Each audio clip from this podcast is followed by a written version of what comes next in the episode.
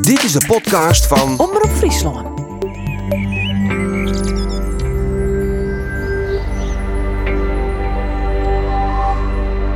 Frieslandok. Verhalen van het vlakke loon. Dat zijn we van, hey, de meisje net wezen, waar is best? En eigenlijk vanaf dat moment dat ik dacht van, hé, hey, maar dit, dit accepteer ik net. Wil je weten waar je naartoe gaat, kijk heel goed achterom waar je vandaan komt. Maar ik denk dat ook wel een hele protte site oer uh, hoe als het hecht best en hoe als het wortelt best. Dit is Wij en Dij, of Wie en Die, Majek. Net een volle ziekje. We weten we waar we zijn. We zijn Friesen en dat mag grenschap wijzen. Maar ik kan net zeggen, ik ben in die essentie Portugees. Dat ken ik net meer. In deze podcast gaat Hielke van Duren in gesprek met mensen over haar identiteit. Ja, we zijn beide anders. Dus we zijn anders op een andere manier, maar we zijn beide anders. Wat speelt daarbij een rol? En wat het Friesland daarmee te krijgen? Hielke doorpraast uh, Joet Mai Harm Edens, bekende Nederlander. Ja. Ja, dat je even schrikken. van dit was het nieuws. Klopt. Ja, dat is de presentator van. Hij is grote comedy. Ja, en hij uh, tot van alles. Hij zet zich heel in van het klimaat op het moment. En dat is juist een vaak misschien op televisie. En hij went het in Friesland? Ja, uh, deeltijd. Hij went het onder Oude Beldiek. Uh, daar had hij een huisje met zijn man. En uh, soms in de weekend dan uh, gaat hij naartoe. Om even de, de sleur of ik denk alle, alle, alle drukte even te ontkomen.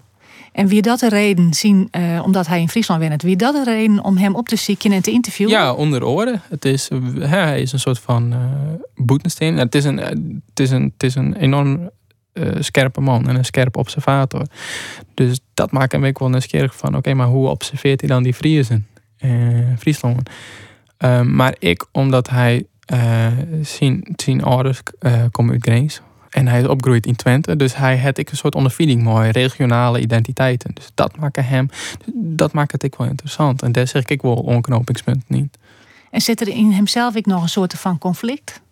Ja, hij heeft uh, vorig jaar een boek uitgebracht. Ja, dat, dat ik identiteit. Dat is een hele wrakseling van uit zijn jeugd. Um, uh, hij, hij, hij komt uit een gezin waar ze net mochten leiden. Uh, en werd hij zich totaal naar thuis. En, en dat boek is daar ook wel een beetje een, een, een, een ziektocht in. En uh, dat get ik deels over Engeland. Een plak waar hij heel graag komt. En waar hij zich heel thuis voelt. Toen, toen hij 15 wie volgens mij, toen kwam hij voor het eerst in. En dat wie echt een soort van, nou, alsof hij thuis kwam. Um, dus ja, dat get ik heel goed identiteit. En je, je wil ergens thuis vieren.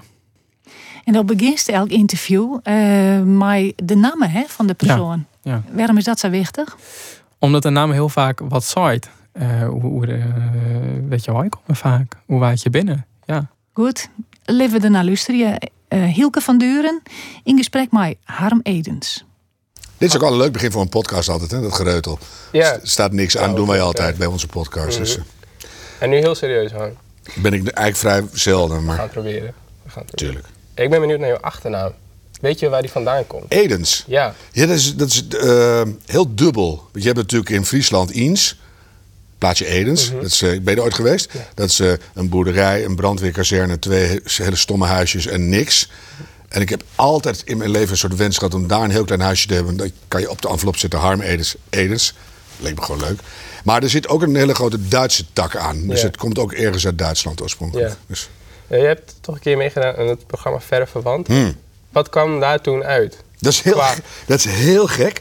Wat ik me nog herinner, dat is allemaal veenkoloniën in Groningen. Veenkoloniën. Dus ik, Ja. ik, ze zoeken daar natuurlijk net zo lang tot je familie bent van Jezus of Napoleon. Of, weet je, dus ze graven net zo lang door. En als je iets wil vinden, dan kan je het ook vinden. Maar ik herinner me heel duidelijk, dat was Paap van Wildervank. Dat- en Mijn moeder komt uit Wildervank, dus de hele familie blij. En die was heel belangrijk in die hele drooglegging. Die hele uh, turfsteek eh, narigheid die daar ooit was. Maar wat schetst mijn verbazing? In Dit Was Het Nieuws hadden we Pieter Winsemius te gast. Eh, oud-politicus en zeer humaan persoon. En die ook veel met duurzaamheid doet. Die was helemaal niet bij Dit Was Het Nieuws, die was bij BNR. En die stuurde vlak voor die naar de studio kwam met een enorme stamboom. Want hij was ook echt een genealoog. Van, jij hebt ook een hele grote Friese tak. Oh. Dus ik bleek werkelijk familie. Nou, No- Hilbert van de Duim is familie. En nou, iedereen. Ik geloof alleen Epke Zonderland niet. Maar dan heb je het ook echt gehaald. Dus eh, die had het helemaal uitgespit. Ik moet dat nog nazoeken. Het zit in mijn computer. Maar er zit dus echt een enorme Friese aftakking in ook. Vind je het ook belangrijk om dat te weten? Nou, ehm, dat, is, dat is een hele ingewikkelde vraag voor mij. Want ehm, ik heb vorig jaar een, eh, een boek geschreven, begin eh, van dit jaar uitgekomen. Over mijn jeugd. En dat ben ik gaan beg- beg- beginnen te schrijven toen mijn vader twee jaar overleden was. En een van de belangrijkste zinnen uit het hele boek is misschien wel... bij ons thuis werd nooit gelachen. En mijn ouders zaten eigenlijk altijd, als ze al iets voor de lol deden... in oude vergeelde fotoalbums en, en blikjes met kromgetrokken foto's... met rafelrandjes te koekeloeren. Oh, dit was tante, tante die en die en die is ook al heel lang dood. Dus eh, bij mij is altijd de interesse in de familie een beetje doodgeknuppeld in mijn jeugd. En nu ik ouder word, vind ik het langzamerhand wel heel interessant te kijken... van waar kom je eigenlijk vandaan? Super belangrijk in je leven. Hè, dat is de taal van Poe. Wil je weten waar je naartoe gaat, kijk heel goed achterom waar je vandaan komt. Nou, jij bent ook filosoof natuurlijk, dus nou, dat moet jou enorm aanspreken. Maar dus eigenlijk is het super leuk en belangrijk om te weten ja, waar, je, waar je wortels een beetje zitten. Maar dat is later pas gekomen. Pas heel recent eigenlijk. Vroeger dacht ik, nou, ik ben blij dat ik eindelijk eens weg ben hier. La- Laat mij met rust. Dus eh, ja, En hoe komt dat? nou, dus door zo'n jeugd. En mijn vader had waarschijnlijk een behoorlijk autistiforme Maar stoornis. dat, dat, dat, dat het op een gegeven moment wel die interesse komt. Hoe komt Nou, dat dus ja, dat je ineens ouder groeit en dat je denkt, als, als Jurgen Rijman tegen mensen in zijn show zei: wie is je vader, wie is je moeder? En in de achterhoek en in Twente zeggen: waar ben je er een van? Dat zijn hele belangrijke vragen. Hè? Van waar, zit de, de kern van je identiteit, je, je vroegste identifiers in je leven? Wat, wat is dat eigenlijk? Wat zijn dat? Nou ja, en daar had ik eigenlijk heel weinig over nagedacht. Behalve mijn opa die bij ons thuis woonde, een echte Grunninger schoenmaker. En daar had ik als kind heel veel mee. Hoewel die nooit wat zei overigens. Maar eh, ja, dat, dat, dat zijn dan ineens van die, van die keerpunten in je leven dat je denkt... dat is wel belangrijk, dat hoor je eigenlijk te weten. Terwijl ik aan het eind van mijn boek schrijf... eh, dus praat ik tegen mijn vader... eh, bedankt dat je me de liefde voor het Groningse landschap hebt meegegeven. En ook wel de, de eh, waardering voor het Groningse dialect. Maar we hebben er nooit samen van kunnen genieten. We zijn nooit eens samen op een fiets gestapt of in de auto van... kijk, en hier woonde die en daar gebeurde dat. Dus d- dat heb ik eigenlijk zelf allemaal op de nadigheid moeten bevechten, om het maar zo te noemen. Hmm. En door het schrijven van het boek weet je nu ook beter waar je staat? Eh, Wat bedoel je? Nou, dat je of nou ja, beter weet wie je bent, wat je wortels zijn. Nou, ehm, je kan beter plaatsen waarom je sommige dingen heel belangrijk vindt. En eh, die eigenlijk gewoon bij je horen. Ik bedoel dat ik eh, makkelijk zinnen kan formuleren. Dat kon mijn vader ook heel goed. Weliswaar nooit tegen mij, maar dat, die lulde iedereen eh, van de trap af. En mijn moeder hield van toneelspelen. Dus die, dat gene poeltje, dat klopte wel. Maar waarom je af en toe totaal wars bent van Hilversumse maniertjes. En dat je, oh wat een kwallenbak, kan het weg, weet je. Eh, waarom ik eigenlijk nooit onder de indruk ben... of ik nou naast Hillary Clinton zit of naast de paus. Ja, ook een mens, weet je. Dus dat soort hele basic dingen. Waarom ben je zoals je bent? En waarom eh, ruiken dingen zoals ze ruiken eh, in mijn neus? Die ruiken bij jou anders, denk ik. D- dat zit in je vroegkindelijke ontwikkeling. En dat is direct je ouders en je roots. Dus dat is heel belangrijk. Dus, En wat is er bij jou dan daarvan terug te vinden? nou, dat hele nuchtere. Dat je denkt, nou, dat is ook wel een beetje Fries natuurlijk. Van, stel je toch niet aan, man. En doe eens normaal. En, vind je, dan, en, ja, je mag wel lekker gek doen hoor, maar doe het vooral niet voor mij. En soms wel natuurlijk. denk je, oh, die is echt wel heel leuk gek. Maar meestal overdreven gedoe. En echt eh, onzin. Ik ben echt wars van onzin. Eh, nou, dat, dat in de essentie simpele dingen vaak veel fijner zijn dan complexe dingen. Niet altijd, maar wel vaak. Ehm, nou, dat soort, dat soort eh, wijdse landschap als in Groningen. En eh, af en toe ook de knusheid van Twente, waar ik zelf groot gegroeid ben. Dat zit echt in je imprinting. Dus dat is je identiteit. Dat was een grote reden om 20 jaar, bijna 20 jaar geleden vanuit het westen, vanuit Amsterdam en Haarlem, terug te verhuizen richting Achterhoek. Ik dacht van, nou, dat, dat, dat is veel fijner om te zijn dan aan zee. Dat mis ik nooit. Ja. En heb je verder ook nog een binding met Groningen? Je zei het landschap is iets wat me nog Nou, de- echt op tweede taal. Dat is echt. Ja. Ik zat natuurlijk ook vandaag, ik wist dat ik hier kwam. Hè, wat, wat is de Friese identiteit? Daar is die taal natuurlijk essentieel voor. Ja. Dat je dat als kind, vanaf je nulde hoor je Fries. Nog eerder dan Nederlands waarschijnlijk. Nou, dat was bij mij niet zo. Behalve dat mijn vader wel met mijn opa Gronings sprak. En die zat bij ons aan de keukentafel voor ik geboren was. Die woonde bij ons in. Nou, de, waar ter wereld ik ook ben. dus een mooi liedje zit daarin. ehm, als ik een vleugje Gronings hoor, dan gaat altijd een soort je hart open. Terwijl ik spreek het eigenlijk niet echt. Ik versta het wel redelijk goed.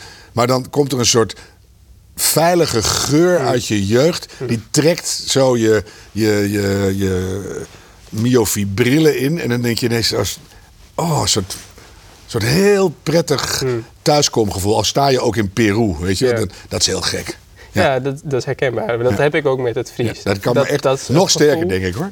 Ja, Dus, dat ja. zou kunnen. Ja. Ja. dat is, je gevoel kun je daar veel beter in uitdrukken. Op een of andere manier. Ja, ik kan het helemaal niet in uitdrukken. Maar het, Maar het- dat, het maakt iets los. Nog dieper. Dat gaat een soort, geeft een soort, je gaat helemaal open. Je bent een soort weerloos er tegen. Ja. Dan staat er een, een, een, een mevrouw met het gebit verkeerd om in de, in de hoofd. Op een, op een dode kip te kauwen. Dat je denkt, nou, ik zou er normaal geen woord meer wisselen. En dan komt dan, nou, het is, nou, het is een hele lekkere kip. En dan, en dan, en dan denk je, nou, vertel maar. Weet je, ik, eh, je, je bent een soort was door die taal. Ja. Ja.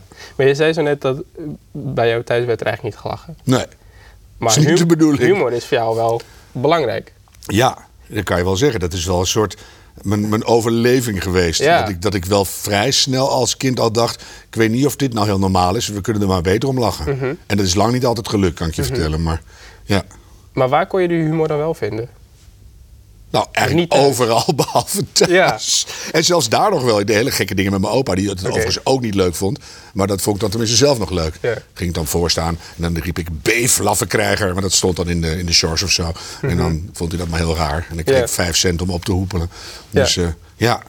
Nee, maar ik, ik, de, de belachelijkheid van het leven en de, ook de blijdschap, wat ook een soort lol is af en toe, die heb ik altijd wel heel erg overal zien zitten Mhm. hoor. En ik moet, moet ook niet te lang, te vaak, te serieus worden. Dat vind ik niet echt de bedoeling. Maar waarom, waarom werd er niet gelachen bij jullie thuis? Wat was dat? Oh bij joh, is- oh, zo'n optelsom, daar heb ik dat hele boek eh, over volgens gepend. Wat overigens voor de helft ook heel leuk is, want het gaat meer over mezelf. Ehm, dat heeft te maken met heel veel eenzaamheid aan mijn moeders kant. Hè, die, die kwam uit, eh, mijn oma kwam uit een gezin met vier dochters. Zij was de oudste. En toen zij geboren was, is zij ergens in Groningen eh, op een internaat gezet toen ze heel klein was. En zijn mijn overgrootouders naar Duitsland weggetrokken. Schulden van de Belastingdienst of weet ik zelfs toen al. Waarschijnlijk een toeslagenaffaire-achtige toestand. En eh, toen kreeg zij eh, eh, briefkaartjes of briefjes. Nou, je hebt weer een zusje. Weet je, nou, dat is echt bizar. Dus die was al heel lang alleen gelaten. Er zat heel veel eh, leegte op de lijn. Nou, mijn moeder die had nog wel een broer, maar die was veel later geboren. Dus die was ook lang alleen in de leven. Toen kwam die malle Tweede Wereldoorlog. Waar heel, angst, daar hebben wij magistrale antennes voor. Ik ook. Dat is heel goed ontwikkeld. Dat je denkt, oh, er zou hier wel, hier ook, zou wel eens iets echt heel verkeerd kunnen gaan. Dus als je dan altijd maar denkt over dingen die niet goed gaan, die tegenvallen, die eh, anders zijn dan je verwacht had. Verwachting, heel belangrijk hè? Ja, ik had het toch anders verwacht. Als je echt zo door het leven gaat, dan is alles niet leuk. En aan mijn vaders kant zat een faillissement van mijn opa in de jaren 30. Die was schoenmaker, die ging failliet door een gebroken been. Dat verhaal heb ik denk ik veer- 44.000 keer gehoord, hoe erg dat was. En naarmate mijn vader echt heel oud werd, ging hij een beetje dementeren. En dat vond hij zelf van niet overigens. Maar toen vertelde hij dat elke dag drie keer als ik er was. En ehm, daar is het lachen ook echt vergaan. Want het leven was zwaar. En eh, banken zijn niet te vertrouwen. Heel veel wantrouwen jegens de mensheid. Ja, dan kan je ook niet lekker lachen samen. Ja, ja ik ga met jou niet lachen. Want eh, stel je voor dat ik je leuk ga vinden. Weet je, moet je niet hebben. Dus dat, en die twee bij elkaar, die hebben elkaar daar waarschijnlijk niet uit pure verliefdheid in het, eh, in het fietsenhok. Maar meer uit een soort, oh, nou, wij snappen elkaar wel op die angst en die eenzaamheid. Nou, klik. Krijg je hele rare kinderen van, kan ik je verzekeren. Dus, eh, En zo- ik ben aan het speculeren hoor, maar zou dat ook ergens in dat, iets Gronings in kunnen zitten? Een soort van soberheid, een soort van Calvinisme. Nou, wel dat je dat niet, die- angst en die, en, die, en die eenzaamheid niet compenseert door te zeggen: zullen we eens een feestje geven, we knallen er eens vier taarten Ja. tegenaan of zo. Trekken ze een fles wijn op, ze dronk ook niks. Ja. Dus je, kon ook, je kon ze nooit betrappen dat ze een keer dronk aan de lamp hingen of zo. Dat gebeurde gewoon niet. Mhm. Nee. Dus, al, en geloof natuurlijk, heel gelovig, mijn moeder, mijn vader niet, maar die ging daar wel braaf in mee. Dat, dat, ja, nou ja, dat zou je in Urk en in Zeeland ook kunnen aantreffen. Maar dat had wel een soort dempend effect nog extra. Van, doe maar niet, doe maar niet. Heel zuinig zijn, weet je. Ik bedoel, ik heb nieuwe sportschoenen nodig. Is het echt, no- zijn ze echt stuk?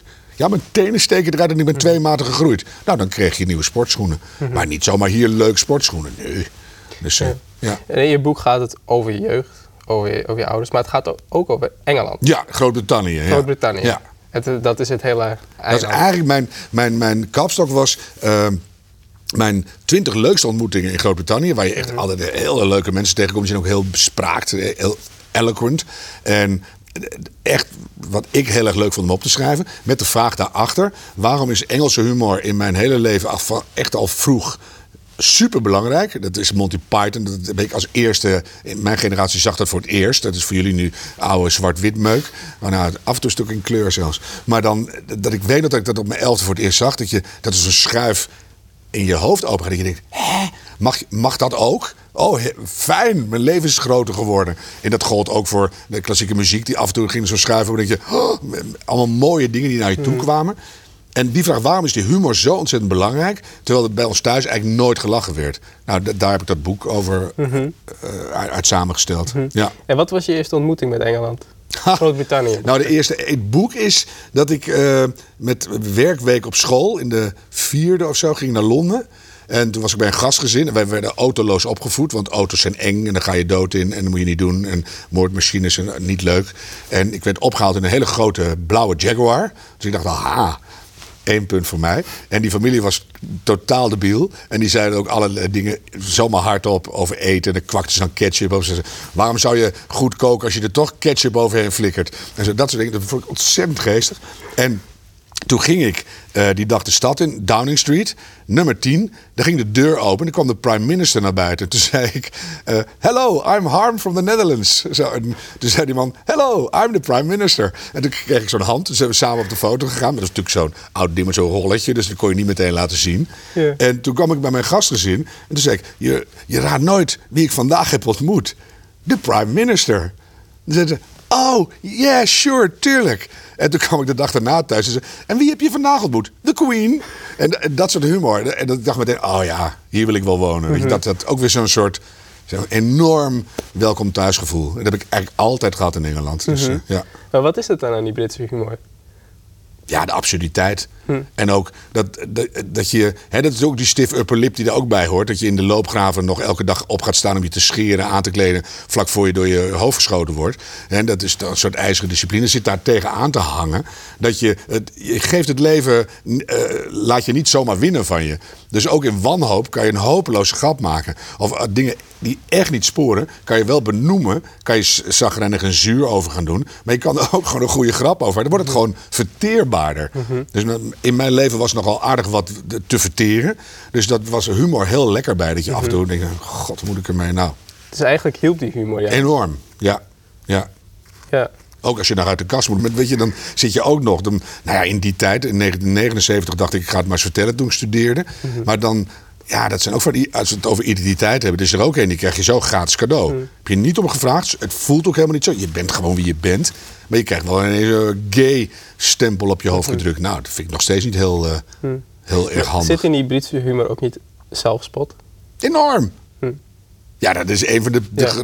de lompheid en zelfspot. Dat zijn wel eh, hele grote pijlers onder Britse humor. Ja. En het is ook heel fijn. Waarom denk je dat dat zo is? Waarom kunnen die Britten dat zo goed? Nou, kijk eens naar dat land. Ze rijden aan de verkeerde kant. Ze hebben idiote eh, metrische stelsels. ze, ze doen eigenlijk alles op een tegendraadse manier. Nou ja, nou, en de, de enorme klasse tussen die rijkdom en dan klootjesvolk daaronder. Nou, dan moet je af en toe wel van beide kanten een beetje grappen kunnen maken. Want dan kom je er niet uit, denk ik. Oké. Dus daar daar zit het hem in. Dat denk ik wel, ja. Ja. Een Ja. belachelijk land. Maar wel heel leuk. Ja, is het een belachelijk land? echt belachelijk. Volstra- ik, ik, we waren een keer totaal verdwaald in een buurt, staat ook in het boek. En nou, we zaten zo in die auto, het werd wat donkerder. Dan dacht je, ja, weer completely lost. Komt er achter een heg van zo'n enorme villa... komt een mevrouw omhoog zo, die was daar aan het tuinieren... met een soort prullenbak op de hoofd. Die hebben al hele grappige tuinmutjes. Dan moet je al lachen, ondanks het feit dat je al drie uur aan het zoeken bent. Dus ik doe mijn raampje de auto naar beneden. Sorry, mag ik even iets vragen? Wij zoeken eh, die en die weg, want daar is onze hotel of bed and breakfast. Dan zegt die vrouw... We don't do road signs around here.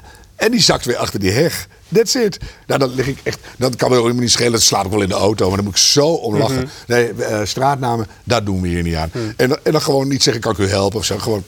Nou ja, dat is toch. En is er naast die humor ook nog meer wat je aanspreekt of wat je verbindt aan die Britse cultuur? Nou ja, eh, de, de tuinen en de, en de landschappen. Hè? Hmm. Dus echt eh, solitair groeiende bomen. Dus een, een boom is een volle glorie. Dat is bij een mens al mooi. Maar bij een boom zie je in Nederland bijna nooit altijd in gezaagd en geknipt. En in Engeland heb je de linde. Je hebt nog nooit zo'n grote lindenboom gezien. De eik, eh, 800 jaar oud. De beuk. Dat je denkt, jee, de tulpenboom, wauw. Dus dan, nou, dan, dan kan je gewoon je hart ophalen. Dan kan je echt geëmotioneerd van raken. Dat is niet per se, tuinen zijn niet per se heel grappig. Maar wel heel mooi. En heel, ja. Maar het En is ook een heel traditioneel land. enorm. Want ik, ik, ik eh, moet dan denken aan, je hebt de House of Lords daar. Dat is eigenlijk de Eerste Kamer. Engeland. House of Commons, House of Lords, ja. Ja, eh, maar dat zijn grotendeels edellieden. Zeker. En dat is bijzonder. Anders mag je er niet in. Nee, nee. Dat is absurd eigenlijk. Totaal debiel. Ja. daar moet je toch wel een grap over kunnen maken. Ja. Waar denk je dat de Ministry of Silly Walks vandaan komt met het flapbeen van Klies? Ja, nou, wat, wat moet je daarmee als burger? Of zo'n Johnson als premier? Ja. Koek. Dus het is behoorlijk gek. Wij denken dat wij in de war zijn hier. Nou, kijk even Maar je vindt het eigenlijk ook gewoon wel grappig om daar te zijn. Totaal. Ja. Het is echt heel erg Omdat leuk. je gewoon in een Ja. absurde wereld staat, Ja. ergens. Ja. Ja. Nee, maar als je dan denkt over wat identificeert je in je leven? Nou, natuurlijk je ouders en waar je geboren bent. Dat is, Met Fries is dat Fries. Maar dat is bij dit soort dingen ook. eh, nou ja, eh, wat is je seksuele geaardheid? Als die gewoon is, dan is dat niet zo'n ide- identifier. Maar in mijn geval krijg je dat er gratis bij. Bob, weer, weer zo'n stempel. Maar ook dingen, bijvoorbeeld als je studeert. Wat studeer je? Liefde voor taal is een enorm identifier, waardoor je mensen gaat herkennen die dat ook hebben. En die ook gedicht uit hun hoofd kennen of die houden van schrijvers, die daar gloedvol over kunnen vertellen. Maar het is ook dit soort dingen. Dus ik, ben al heel lang met klimaat bezig, maar die liefde voor landschap en bomen en tuinen en vogels, ja, dat zijn van die, daar herken je elkaar op. En dat maakt niet uit of iemand met een vogelhuis op zijn hoofd rondwandelt en stinkt. Maar dan denk je, ja, dat hart is wel ook als mijn hart. En dan kan je enorm verbinden. En dat, het gaat uiteindelijk allemaal over verbinden. Zou je er ook kunnen wonen in Groot-Brittannië? Ja. Ja? Nou, dat, dat heb ik met New York ook. Hè. Ik, ik vlieg niet meer, behalve als het echt moet. Want dat vind ik niet zo heel duurzaam. Maar dat is eigenlijk de, de leukste stad op aarde om te zijn, vind ik. En, maar daar wil ik alleen wonen als je er ook wat te zoeken hebt. En dat geldt eigenlijk in Engeland ook. En ik zei gisteren nog tegen andere harm... die wereld is op het moment zo totally fucked up. Daar heb ik echt wel enorm veel last van met, met grote tussenpozen. Of met grote regelmaat en korte tussenpozen. En dan roep ik altijd: laten we eh, op die Isle of Skye in Schotland gaan wonen. Gewoon een klein lullig huisje, drie schapen, een mekker in de geit en wolken. Misschien is dat wel fijn. Maar ja, je hebt er niks te zoeken. Dus Hoe bedoel je, je hebt nou ja, wat ga je dan doen? Batikken of zo? Of eh, zinloos rondwandelen? Daar ben- ik helemaal niet van. toch? Na een maand ben je, word je gek, denk ik. Dus doe maar niet. Maar dat, het gevoel om daar te zijn, ja, ik mis het nu al twee jaar heel erg. Dus eh, Ja. ja. Oké. Ja. En ehm, je, had- je, je liet het zo net even, even vallen over uit de kast komen. Hm. Hoe was het eigenlijk voor jou om uit de kast te komen? Ja, nou, dat was heel gecalculeerd. Want ik wist het vanaf mijn tiende.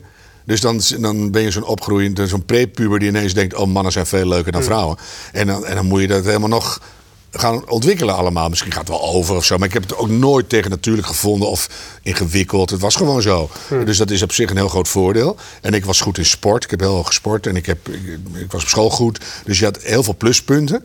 Dat wel fijn. Hè, als je uit de kast moet en, en je bent voortdurend eh, totaal doorgebloot en eh, je kunt niks. En, eh, dan wordt het alleen nog maar moeilijker. Dus ik was eigenlijk een soort super goed gelukt kind. Dat je denkt, nou, niks op aan te merken. Toen ben ik eerst na mijn VWO, dat had ik vrij snel klaar, ben ik gaan studeren in Groningen, Nederlands. En toen ik echt een half jaar op dreef was, dacht ik, nou, nou moest het hoger woord er maar eens uit. Had ik ook mijn eerste echte vriendje. En ik dacht van, nou, ja, nou wordt het een beetje gênant voor mezelf. Dus ik- laat ik het maar eens vertellen.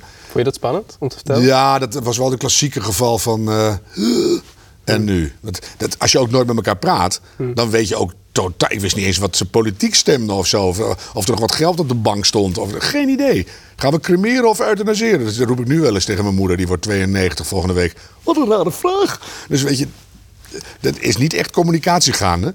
En dus ik had echt geen idee wat de reacties zouden zijn.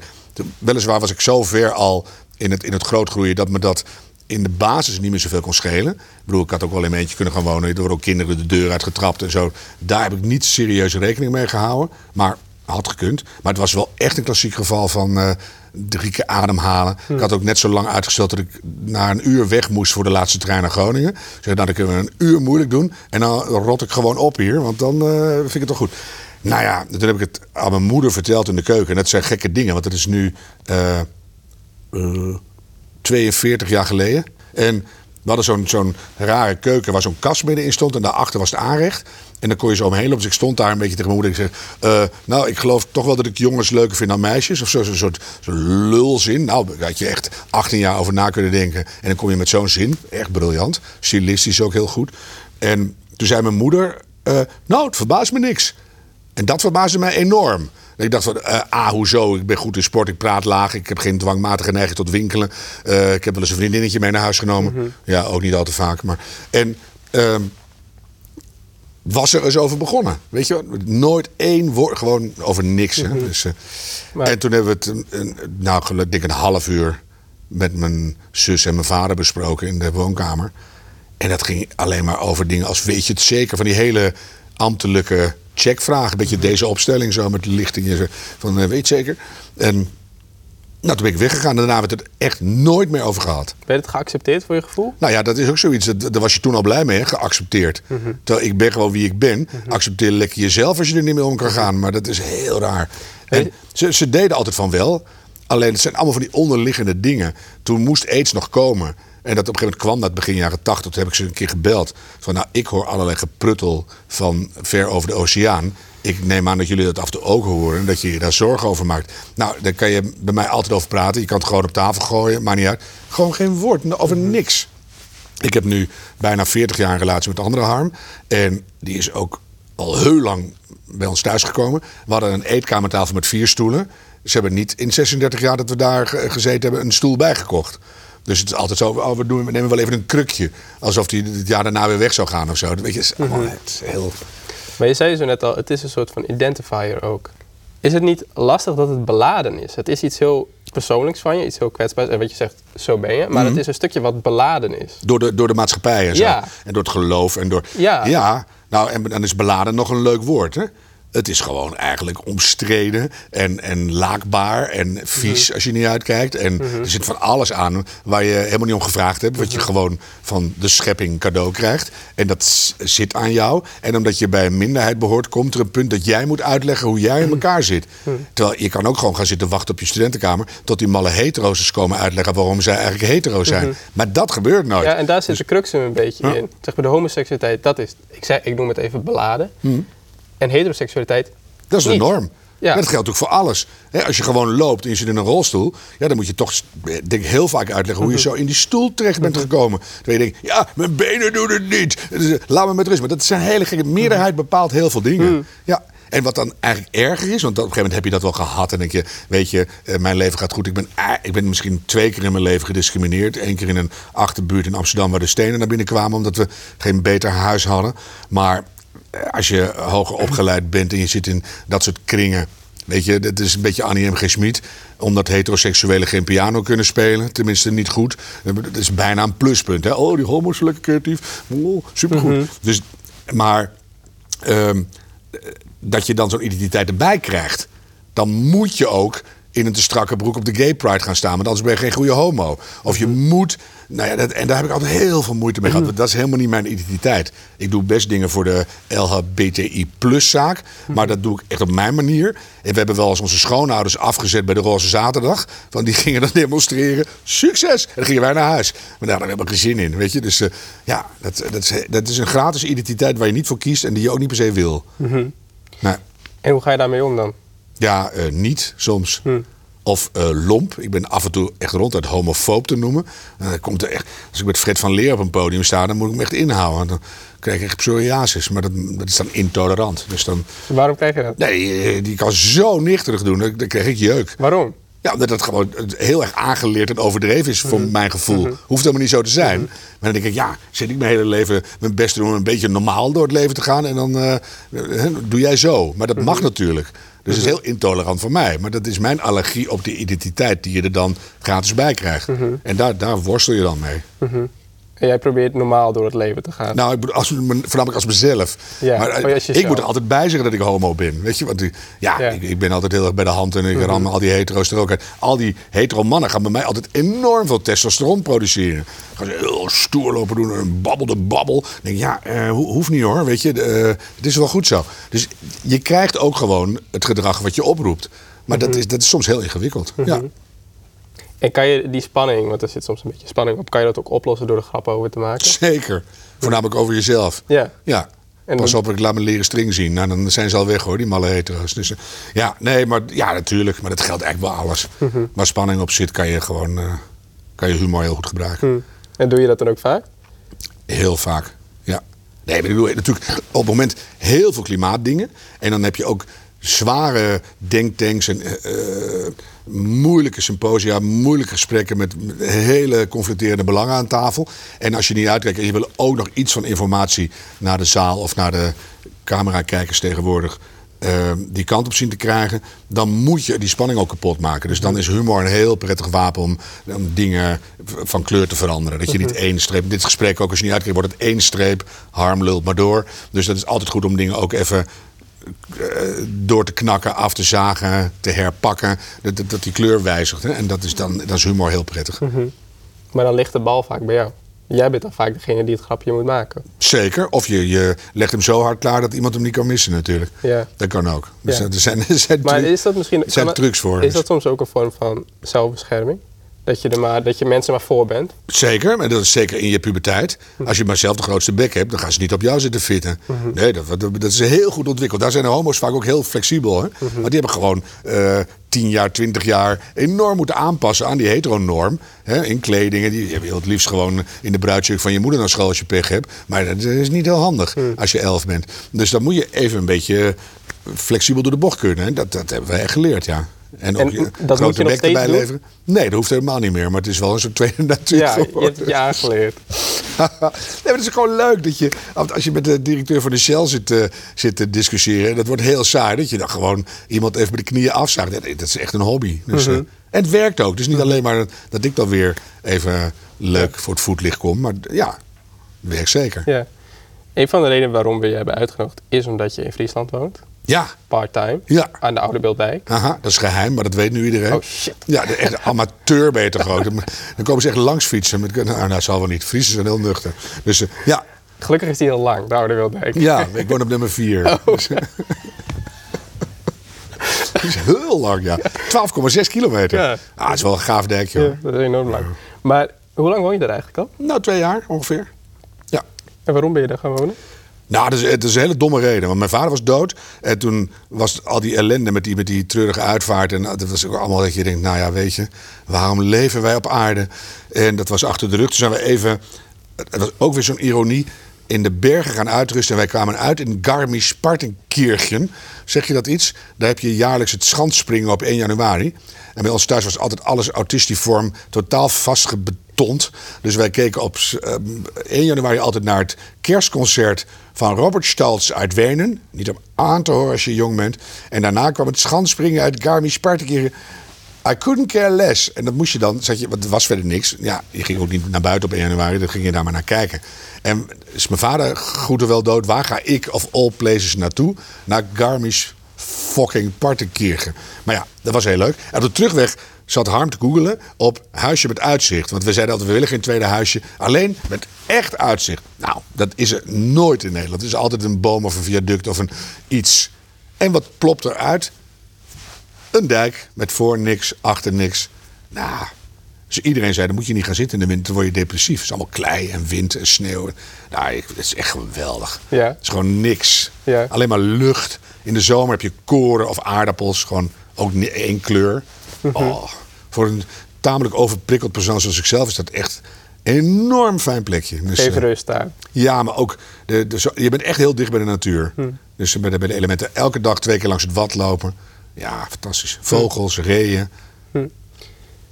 En jij houdt ook van het Groningse landschap. Zit dat er dan misschien ook in? Dat je dat hebt meegekregen? Heeft er zeker dat je iets dat mee te maken. daar? Ja, ja. Terwijl we daar eigenlijk heel weinig kwamen. Alleen die indrukken waren zo krachtig.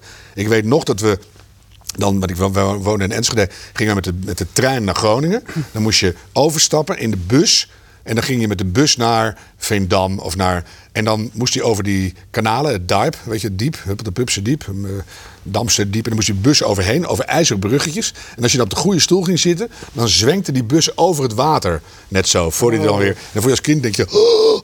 En al die, dat was ik vier of vijf, dat, die beelden, dat, dat, dat zit heel diep ingepakt. Dat de berkenbomen groeiden uit het dak van de A-kerk in Groningen. Die was zo slecht, daar groeiden gewoon bomen uit. Die is pas later helemaal gerestaureerd. Dat vergeet je nooit meer, die, echt, die echte harde beelden. En nou, daar hoort dat Weidse landschap ook bij, denk ik. Want daar ben ik misschien tien keer geweest in mijn leven. Dan ging je nooit ergens naartoe. Ja, waarom zou je ergens naartoe gaan voor de lol? Dat doen we niet. Dus, maar dat zit er wel heel diep in. Ja. Dus- En toen jij op die ene, ik zal de naam niet noemen, maar op die ene plek in Friesland eh, ging wonen, had je toen ook in je achterhoofd van, oké, ik kom hier... Ik zal die plek niet noemen. Want die andere ga je eruit bliepen. Of, eh, Nee, dat is een grapje. maar, maar dat is intonatie. Dat je zegt, ik zal doen. Maar ga, ga door. je komt daar hè, met, een, met je man. Hmm. Had je ook in je achterhoofd van, oké, ehm, wij komen hier als homoseksueel stijl in Friesland. We weten niet hoe men erop reageert. Nou, dat zit echt niet in je achterhoofd hoor. Dit zit in je voorhoofd. Nou, dat zit gewoon wel in je dagelijkse. Als je dus de, de bakstenen door je, door je vooruit hebt gehad. En dat, dat is echt wel een soort ding wat je altijd meeneemt. Mhm. En daar trek ik me niks van aan. Dat is wel een realiteit waar je mee te maken hebt. Dus Ja. wij zijn die hele dijk afgereden. En we hebben af en toe gewacht tot er ergens een soort semi-authentiek Fries iemand uit een, een oud huisje kwam. Mhm. En dat was dan een mevrouw met een hoofddoekje. Zeg, dag mevrouw. Ah, hallo. Ik, zeg, ik doe altijd heel slecht Fries namen. Ze zeg, eh, woont u hier? Nou, ik zou het wel zeggen, ja. En eh, zeg, wat, wat zou je er nou van vinden als er twee mannen zo naast u kwamen wonen? Hè? Zijn nou twee mannen, hij en ik bijvoorbeeld. Als, als we eh, naast u komen wonen, is het te koop? Ze nee, het is theoretisch. Als we naast u komen, is dat erg. Ze kan mij het schelen. Weet je, en dat zei iedereen. We don't care, en het maakt niks uit, het leuk. En, dus dat was meteen een heel goed gevoel. De- Het interesseert ze echt niet. Nou, tot nu toe. en dat ervaar je nog steeds zo. Ja, helemaal. We hebben alleen maar leuke mensen, ook hele Ja. leuke nieuwe Friese vrienden. En eh, Ja. ja. het is echt heel erg leuk. Terwijl misschien soms het idee is dat ze in Friesland of het platteland misschien wat minder tolerant zijn. Dat weet ik niet. Dat, ik heb dat wel over Zwarte Pieten en andere eh, oud-Hollandse uitingsvormen. Maar dat, dat hoort ook bij het feit dat je dan je cultuur zogenaamd beschermt. Hè? De blokkeervriezen is ook niet een blokkeerpersoon, maar is ineens een blokkeervries. Dus dat wordt dan ook een soort heel raar mengseltje. Alsof dat ineens de doorslag geeft. Nee, het was gewoon een, een clubje mensen die, die de Zwarte Piet wilden houden. Nou, en wa- waarom, dat, dat doet daar allemaal niet toe. Maar dat wordt allemaal zo geframed en gemengd, waardoor het dan weer dat wordt. En nee, op die dijk is dat, dat is juist echt hartstikke leuk. We hebben echt enorm stoere buren. Die hebben allemaal Amerikanen van uit 1966 en 68. En daar scheurden zij mee door het ganse Friese land en zo. En terwijl ik van de duurzaamheid ben. Dus ze zitten elkaar de hele tijd uit te lachen. God, Hielke, die heet ook Hielke. Heb je nou nog lelijker, smerige dieselmonster gescoord? Ja, wat je ervan? En dan, eh, nou, we hebben een enorme lol. Bij elke tractor die langskomt. En dan zitten we aan een biertje. Dan kijken ze de dijk op. Dan roepen ze, trekker! En dan, eh, we hebben enorme lol. En je zou je, je vrienden uit Amsterdam niet zomaar mee kunnen nemen. Dus dat is echt, waar zit jij nou? En het is- Waarom niet? nou ja, dan moet je echt uitleggen wat er dan leuk aan is. Want dat kennen ze helemaal niet. Mhm. Dat is ook een beetje mijn eh, Groningse nuchterheid. Waardoor dat echt organisch aansluit. En dat, ja, het is heel erg leuk. Mhm. En dat voelt ook heel vertrouwd. En eh, het is helemaal goed. Ja. Ja, en je hebt de Friese goed leren kennen intussen. ja, begint wel te komen, ja. Ja? Er zit van alles hoor. Ook Ja? Amsterdamse kunstenaars en pottenbakkers. En, Ja, het is maar- een kunstzinnig plekje. Het is echt een, ja, ook idioten met, met sloperijen. En, en, en een man die zit al twee jaar lang be- bewegingsloos op de bank onder een peertje. Ja. Weet je, er zit van alles. Maar eh, ja, het is, het is, de, de gewone Friese, hartstikke leuk. Ook in eh Sint-Anna, Sint-Anna zeggen we tegenwoordig al. Sint-Anna-parochie. Dat is gewoon Sint-Anna. Sint-Anne. Ja. Dus, eh, die, de parochies zeggen we altijd even naar de parochies. En dan, nee, dat, is, dat is ook heel leuk. Echt, we hebben enorm leuke gesprekken op straat. Ook over duurzame landbouw. Want dan loopt er iemand bij ons achter door de akker. Zo'n zo'n boer van 35. En dan zeg ik, nou, het- ik moest laatst naar binnen rennen met mijn lunch. Toen je weer met, die, met die gifmolen aankwam. En dan, nou, dat is geen gif. Zeg, Nee, la- gewasveredelingsmiddelen. En dan hebben we weer een gesprek. En dan zijn moeder van mijn leeftijd. Die spreekt me dan aan bij de Albert Heijn op het parkeerterrein. Je zat bij mijn zoon. eh, en dan hebben we gewoon... Dat is voordeel als je een bekend gezicht hebt. Dus dan krijg je gewoon een heel leuk gesprek over de toekomst van de landbouw. Daar doe ik heel veel mee. Nou, en dan snap je ineens dat zij er ook veel van weet. En eh, dat is heel leuk. Was je ook verrast? Waarover? Nou, over iets wat, dat- dat je misschien bepaalde ideeën had over Friesland. Bepaalde aannames. Nou, dat, dat, ja, ik was wel een beetje verrast over... De, ik vond ze opener dan ik dacht. Hmm. En, en, en ook, eh, ze kletst ook meer. Want ik had eh, bij mijn studie in Nederlands in eh, Groningen wel Friese vrienden, best veel. En dan had je Cor van de Kooi, om eens wat te noemen, uit Rijp. En die bestond het echt om, als ik bij hem op bezoek ging, die woonde in de Carolieweg op één hoog. En die deed het raam open als ik aanbelde. En dan stak hij zijn Friese hoofd naar buiten en dan riep hij Harm. En dan deed hij het Friese hoofd dicht en het raam ook. En dan liep ik de trap op en dan gingen we zitten. En dan rookten wij een checkie. En dan zei hij na een kwartier, echt letterlijk, koffie. Zei, lekker Cor. En dan hield hij vervolgens twee uur zijn kop dicht. Maar helemaal. En wij waren daar gewoon. Nou, voor een kletsmeijer als ik was dat in de... Zo, daar moest ik lang aan wennen hoor. Ja. En heb ik wel enorm leren waarderen dat je gewoon kan coexisteren door naast elkaar te zitten. En dus even te kijken, of je pakt dus een, een tijdschriftje of je hebt een studieboek. Of je, bent gewoon, maar echt niks. En dat is heel gek. Dus, eh, en hier hebben we hele leuke buren. En, de een leest en de ander doet andere dingen. En we hebben het over van alles en nog wat. En de een maakt overal eh, sterke drang van. is ook leuk. Maar je zei dat, dat, dat ze opener zijn als je dacht. Ja, ik denk van, die zeggen ook niks. Dan mag je wel op bezoek op dan houden ze allemaal de bek dicht. Maar dat is helemaal niet zo. Nee. Nee.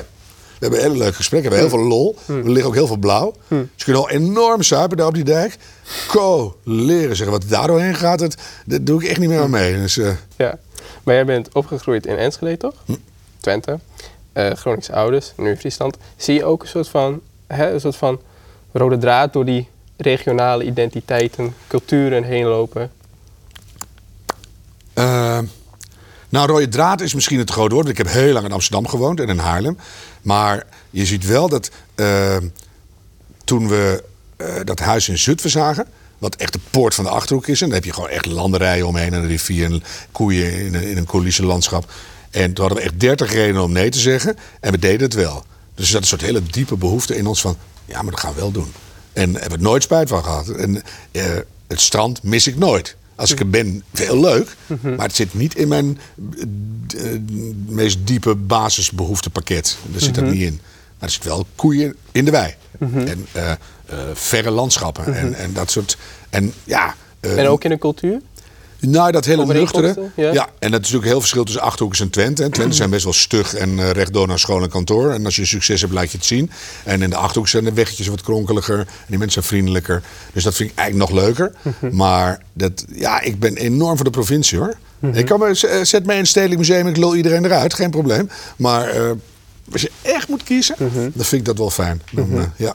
Is er ook een, een verschil tussen mensen in de Randstad, waar je vaak bent voor je werk en zo, en mensen op het platteland? Is daar een wezenlijk verschil in of valt dat eigenlijk wel mee? In de kern niet. Dat geldt, bedoel, net, in, in Friesland kunnen ze net zo goed in een domme red race zitten en denken dat succes eh, een dik salaris is en een vakantie op de Seychelles. Maar ik heb af en toe het gevoel dat die toch dichter bij hun eigen wortel staan, zeker een aantal. En dat, dat daar minder flauwekulfranje op zit. Hè, dat je voor een kalender gaat staan tijdens corona om toch een verder vakantiefoto te maken, omdat je daar niet echt naartoe kan. Om te laten zien dat je toch shiny en, en eh, leuk bezig bent in je leven. Waarom zou je voor vier dagen naar Bali vliegen? Ik weet het niet meer hoor. Dus, eh, En dat je, dat je zegt, ja, hier staat mijn paard en die, en die kam ik. Wow, ja, dat vind ik al een stuk fijner. En, en, en daarna, ja, dan kam ik hem weer. En ja, dat vind ik wel goed. Weet je, of dit is mijn tuin. Op die dijk hebben, hebben twee, twee mensen. Die hebben zo'n liefdevolle, puur handarbeid tuin. Met zelfgevlochten hekjes en, en gewekte groentes. En, eh, ja, ik kom er niet aan toe. Maar het is wel echt heel prettig. Of sleutelen aan je eigen dingen. Of het schilderen van je eigen haar. Gewoon iets meer je eigen wereld. En dat, dat is een Engelse uitdrukking. You have to maintain your garden. Dus iets dichterbij staan. En gek genoeg, ik vind in Leeuwarden kende ik niet zo goed. En Harlingen kende ik niet zo goed. En het, het, is wel, het zijn hele mooie steden. Wat je aan Zutphen ook hebt. Dat is een wereldstad van 50.000 mensen. En dat heb je hier ook. En de sfeer op straat is wel heel open. Ik vind het wel heel leuk. Mensen zeggen ook gewoon hallo en het is gezellig. En ja, dat is wel echt leuk. En Amsterdam is gewoon, je, Rotterdam is helemaal. Iedereen kijkt naar zichzelf. En dan, Want je zei net, die, die vriend van je koor, daar Ja. kon je dan twee uur bij zitten en dan werd er niks gezegd. Maar is dat misschien, dat is een heel extreem voorbeeld, maar misschien zijn ze op het platteland wat beter in het zijn. Nou, daar gaat een, een flink stuk van mijn boek over. De- gewoon, dat is een, mijn, mijn favoriete schrijver is Amos Oz, eh, Joodse schrijver. En die schrijft ergens in een boek: de mens is ten ene maal, de, de mens is, eh, eh, ten ene maal het vermogen verloren om domweg gewoon te zijn. Nou, en dat- is natuurlijk een enorme de kunst van het zijn. Wij zijn nu hier. Ik lul in verhouding wat veel, maar dat is- hebben we afgesproken. Eh, maar dat is natuurlijk een, een enorm belangrijk iets, dat je gewoon kunt zijn. En als je eh, dicht bij de kern zit van waar je bestaan voor je gevoel over gaat. Dus bijvoorbeeld Friesland met de Friese taal op een plek die je qua imprinting en eh, van, van je vroeg kinderlijke jaren herkent. Dan geeft dat wel een enorm dikke basis onder eh, je zijn. En als je dan niet een Nobelprijs hoeft te winnen of eh, als een gek iets anders moet gaan doen, dan moet je ook wel echt wegwezen. Ik moet er niet aan denken dat ik in Enschede was grootgegroeid en dat ik echt niks te zoeken op dat moment. Maar als je hier hoort en het voelt goed, dan heb je ook wel echt tien punten voor op iemand die alle kanten op moet rennen om het bij elkaar te halen. En ja, maar ja, dat je kan het niet eh, bestellen in het leven. Je kan niet zeggen, nou, ik, dit is mijn weekampgids van vanaf mijn geboorte, ik kruis dit aan. En dan zit ik goed. dit- dit- Maar het is natuurlijk wel zo. En dat, het, het lijkt mij. Want als je het over rusteloos hebt, ik word daar wel beter in naarmate ik ouder ben. Maar ik werk altijd heel veel en ik moet altijd van alles. En ik zit nou ja, op heel veel plekken door de week. En dat kan ik wel enorm jaloers zijn op mensen die zeggen: Nou, maar ik ben gewoon hier. Dan denk ik, ja, wauw. Weet je, echt. eh, ja. En denk je dat er over en weer tussen Randstad en platteland genoeg begrip is naar elkaar toe? Want dat is nou... Nou, dat is niet zo. Dat zie je ook bij zo'n programma bijvoorbeeld. Dan kunnen ze in Amsterdam geen huis meer vinden. En dan verkopen ze een, een treurig huis. En dan krijgen ze dan een miljoen voor. En dan kunnen ze tien minuten rijden verderop. Kun je daar een boerderij verkopen. Dan denk ik, ja, heb je daar nou echt een tv-programma voor Kijk ook een beetje om je heen. Dus de, de Zuidas, ik werk er veel. Ik vind het af en toe individueel allemaal hele leuke mensen. Zet er drie bij elkaar en de ellende begint. Weet je? Dus, maar dat geldt bij, eh, bij de... eh, de- die, die, die eh, activistische boeren geldt het ook. Elke boer is eigenlijk een ontzettend leuk iemand. Zet er drie bij elkaar met de kop verkeerd. En ja, dan begint de ellende ook. Dus dat menselijke daaraan is eigenlijk hetzelfde. Maar dat begrip over en weer. Ik, ik denk dat de provincie altijd. Hè, kijk naar Normaal en naar de, eh, eh, de Zwarte Cross. En die, hoe, hoe lomper, hoe beter. Dat willen ze ook graag in stand houden. En, en hoe, hoe arty-fartier in het Westen. Lekker intellectueel, bla bla bla. Dat willen ze ook heel graag in stand houden. Nou, in de kern zijn we super gelijk. Hè?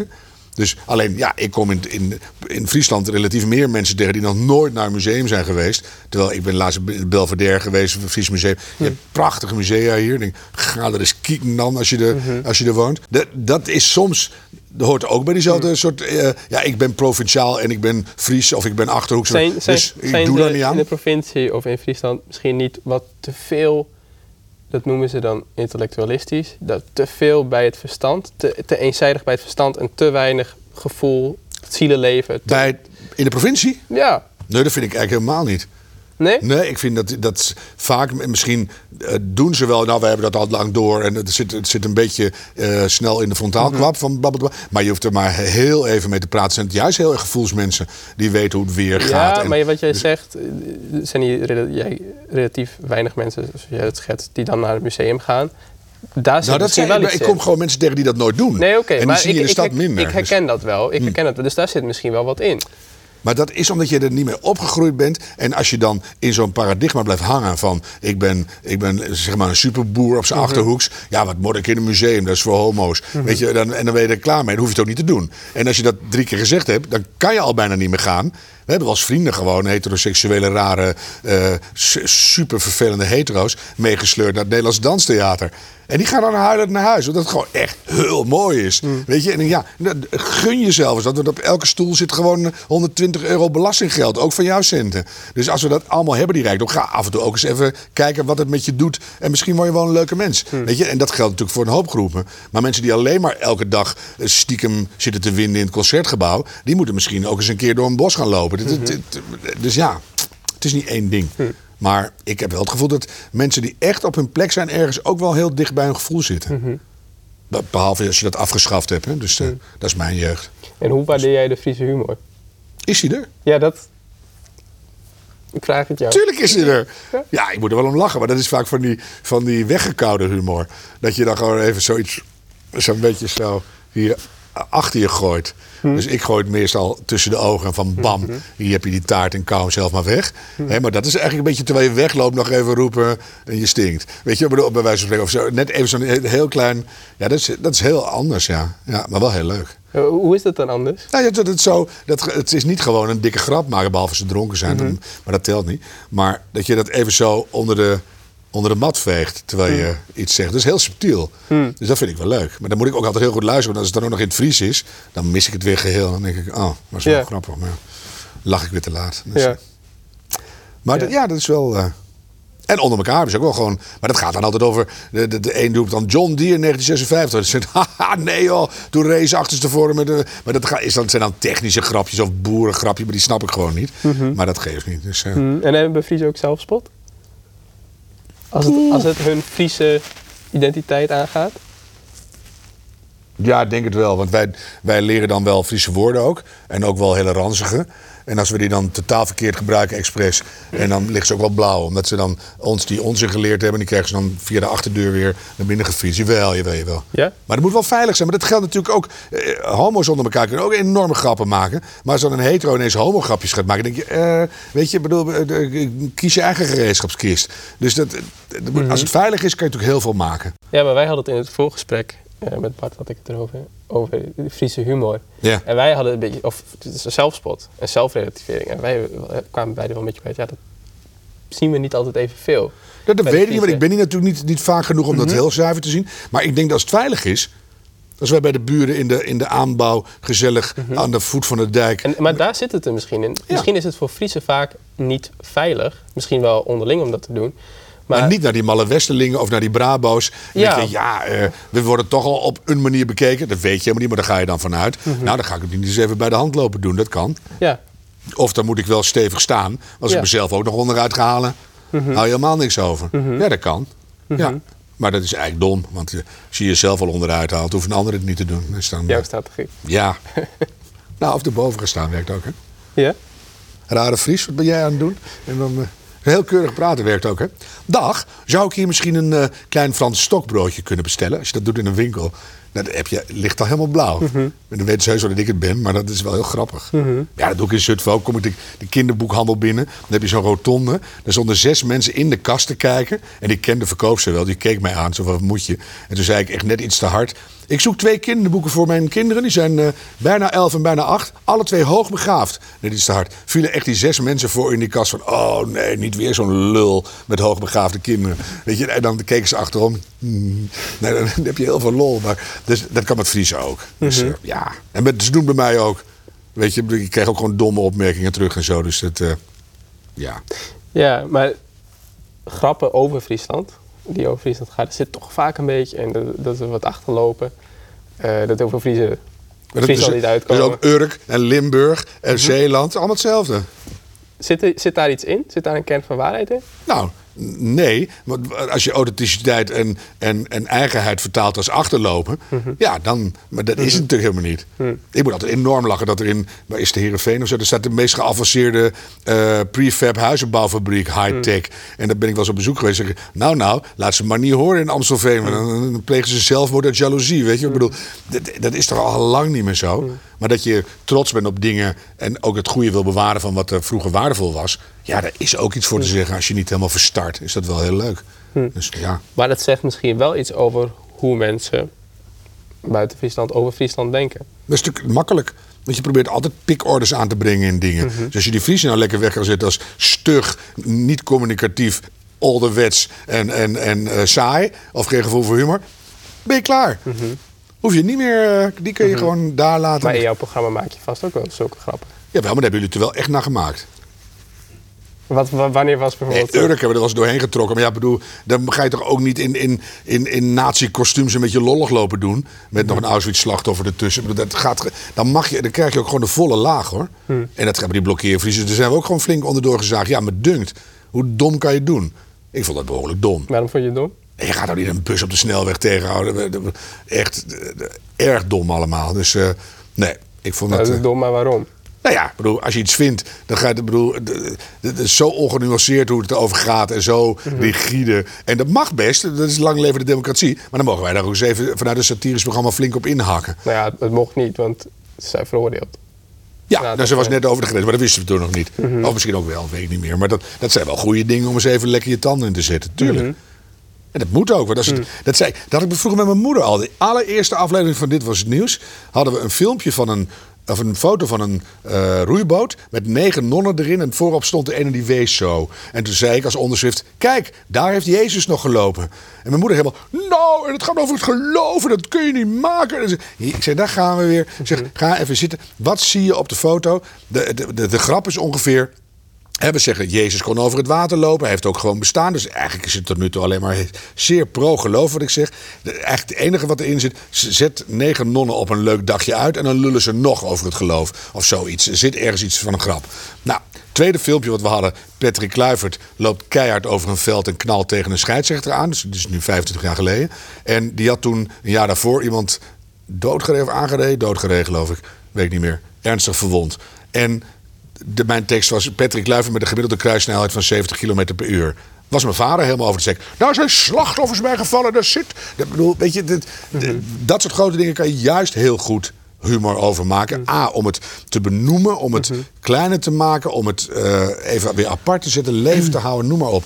Dus dat kan ook met blokkeervriezen en met mm, kooksnuivende Urkers. Alleen het is, het is hè, dat gebeurt er in Urk en dat is dan belachelijk. En ook in Friesland met de blokkeervriezen, dat is dan belachelijk. Maar je, Nou, in ieder geval bijzonder. bijzonder, Ja. maar je kunt het, omdat de clichés al voor het oprapen liggen, kun je de Friesen al, of, het- of de mensen uit Urk, al veel makkelijker afstraffen, wegzetten. Nee, dat doe je eigenlijk zelf dan. Ja? Als je, als je al zo wordt benoemd en je gaat dan in een nazi-pakje door je eigen dorp lopen, lopen banjeren, dan doe je het eigenlijk al zelf. Mhm. Dan hoeven wij eigenlijk al niks meer te doen. Alleen maar oh, oh, oh, oh. Dan is het eigenlijk al erg. Als, we- als je alleen maar grappen maakt van Urkers stinken naar vis. Dan wordt het echt heel vervelend na een tijdje. En Friesen, die versta je niet en die zijn Mhm. Ja, dom als, of als, zo. als Dat- mensen dat uit Amstelveen dat deden, dan kan je dat veel minder makkelijk op die manier Nee, framen. dan, nee, maar dan ga, dan ga je juist zeggen... Nou, ze hadden zo vaak, ze hadden zo lang Anne Frank uit hun hoofd moeten leren op de kleuterschool. Ik bedoel, dan kan je weer iets intellectualistisch. Net zo dom. Alleen je, de, waar de grap vandaan komt, alleen je moet het wel slim doen. Als je alleen maar zeggen, Friesen, die verstaan je niet en die zijn dom. Of die lopen achter. Ja, dat is niet heel grappig.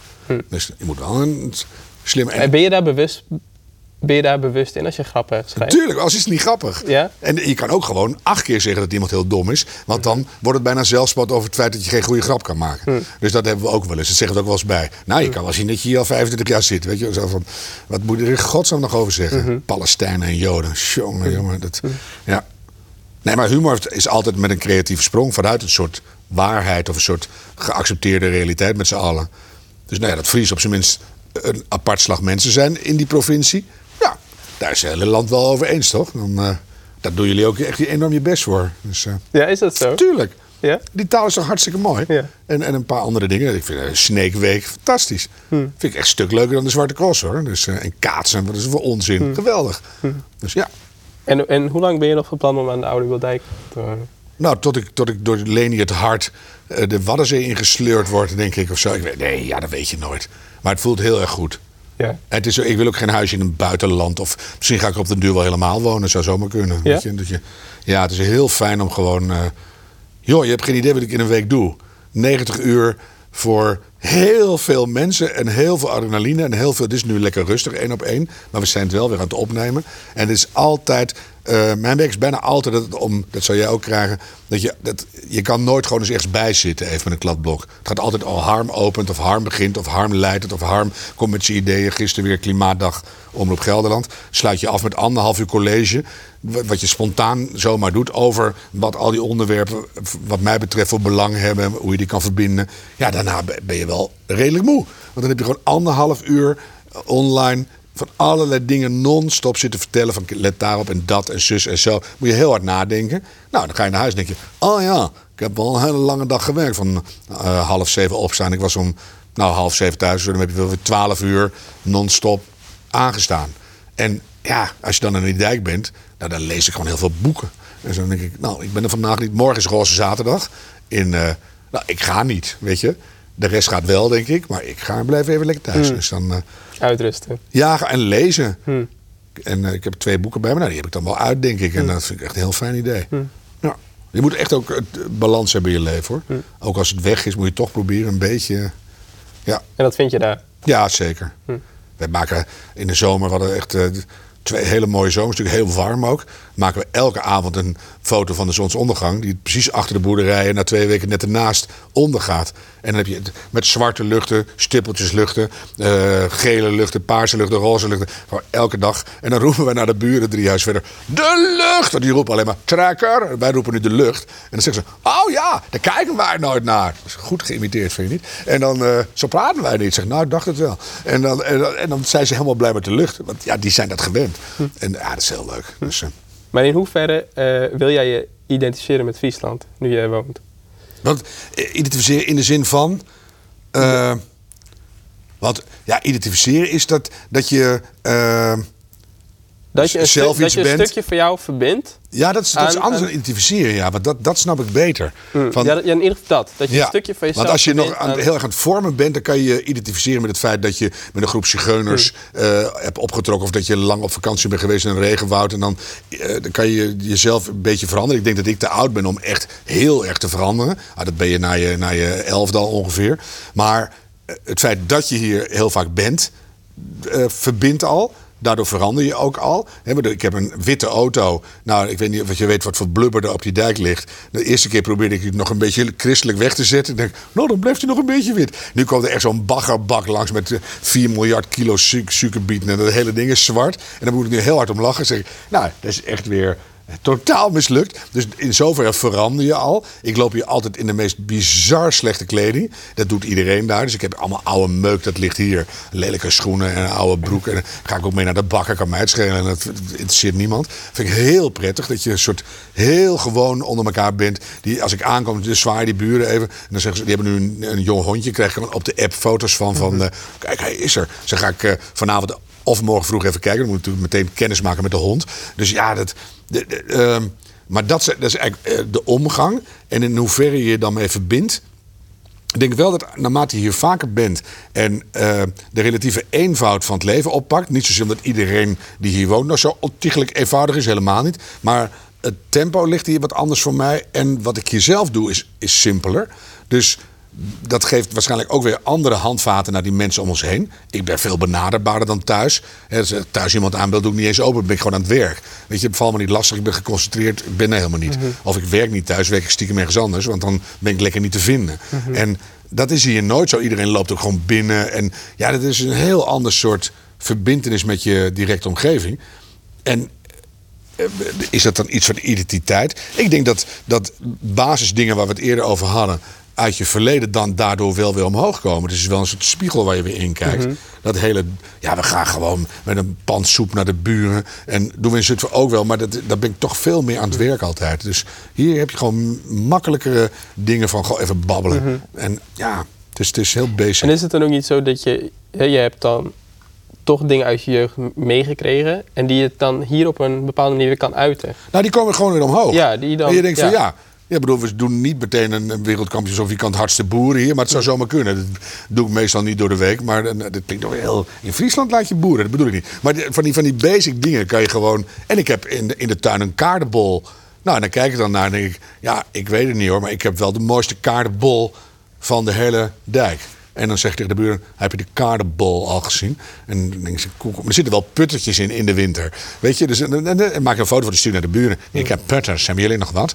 En dan, ja, het is heel leuk. En, eh, ja, en ja, we praten ook met, met, over dingen die zij doen. Ook, we praten ook wel over ouders daar. En we wisselen ook wel dingen uit. Dus het is wel heel gemoedelijk. Ja, ik denk wel dat het goed is. De paken in mij is wakker geworden. Harm Edens in gesprek met Hielke van Duren. De podcast Wij en Dij, of Wie en Die, is maken door Hielke van Duren, Bart Kingma en Karen Bies. Bij de Friesland Doc, de ontdekking van Friesland. Te zien bij NPO Start en bij Omroep Friesland.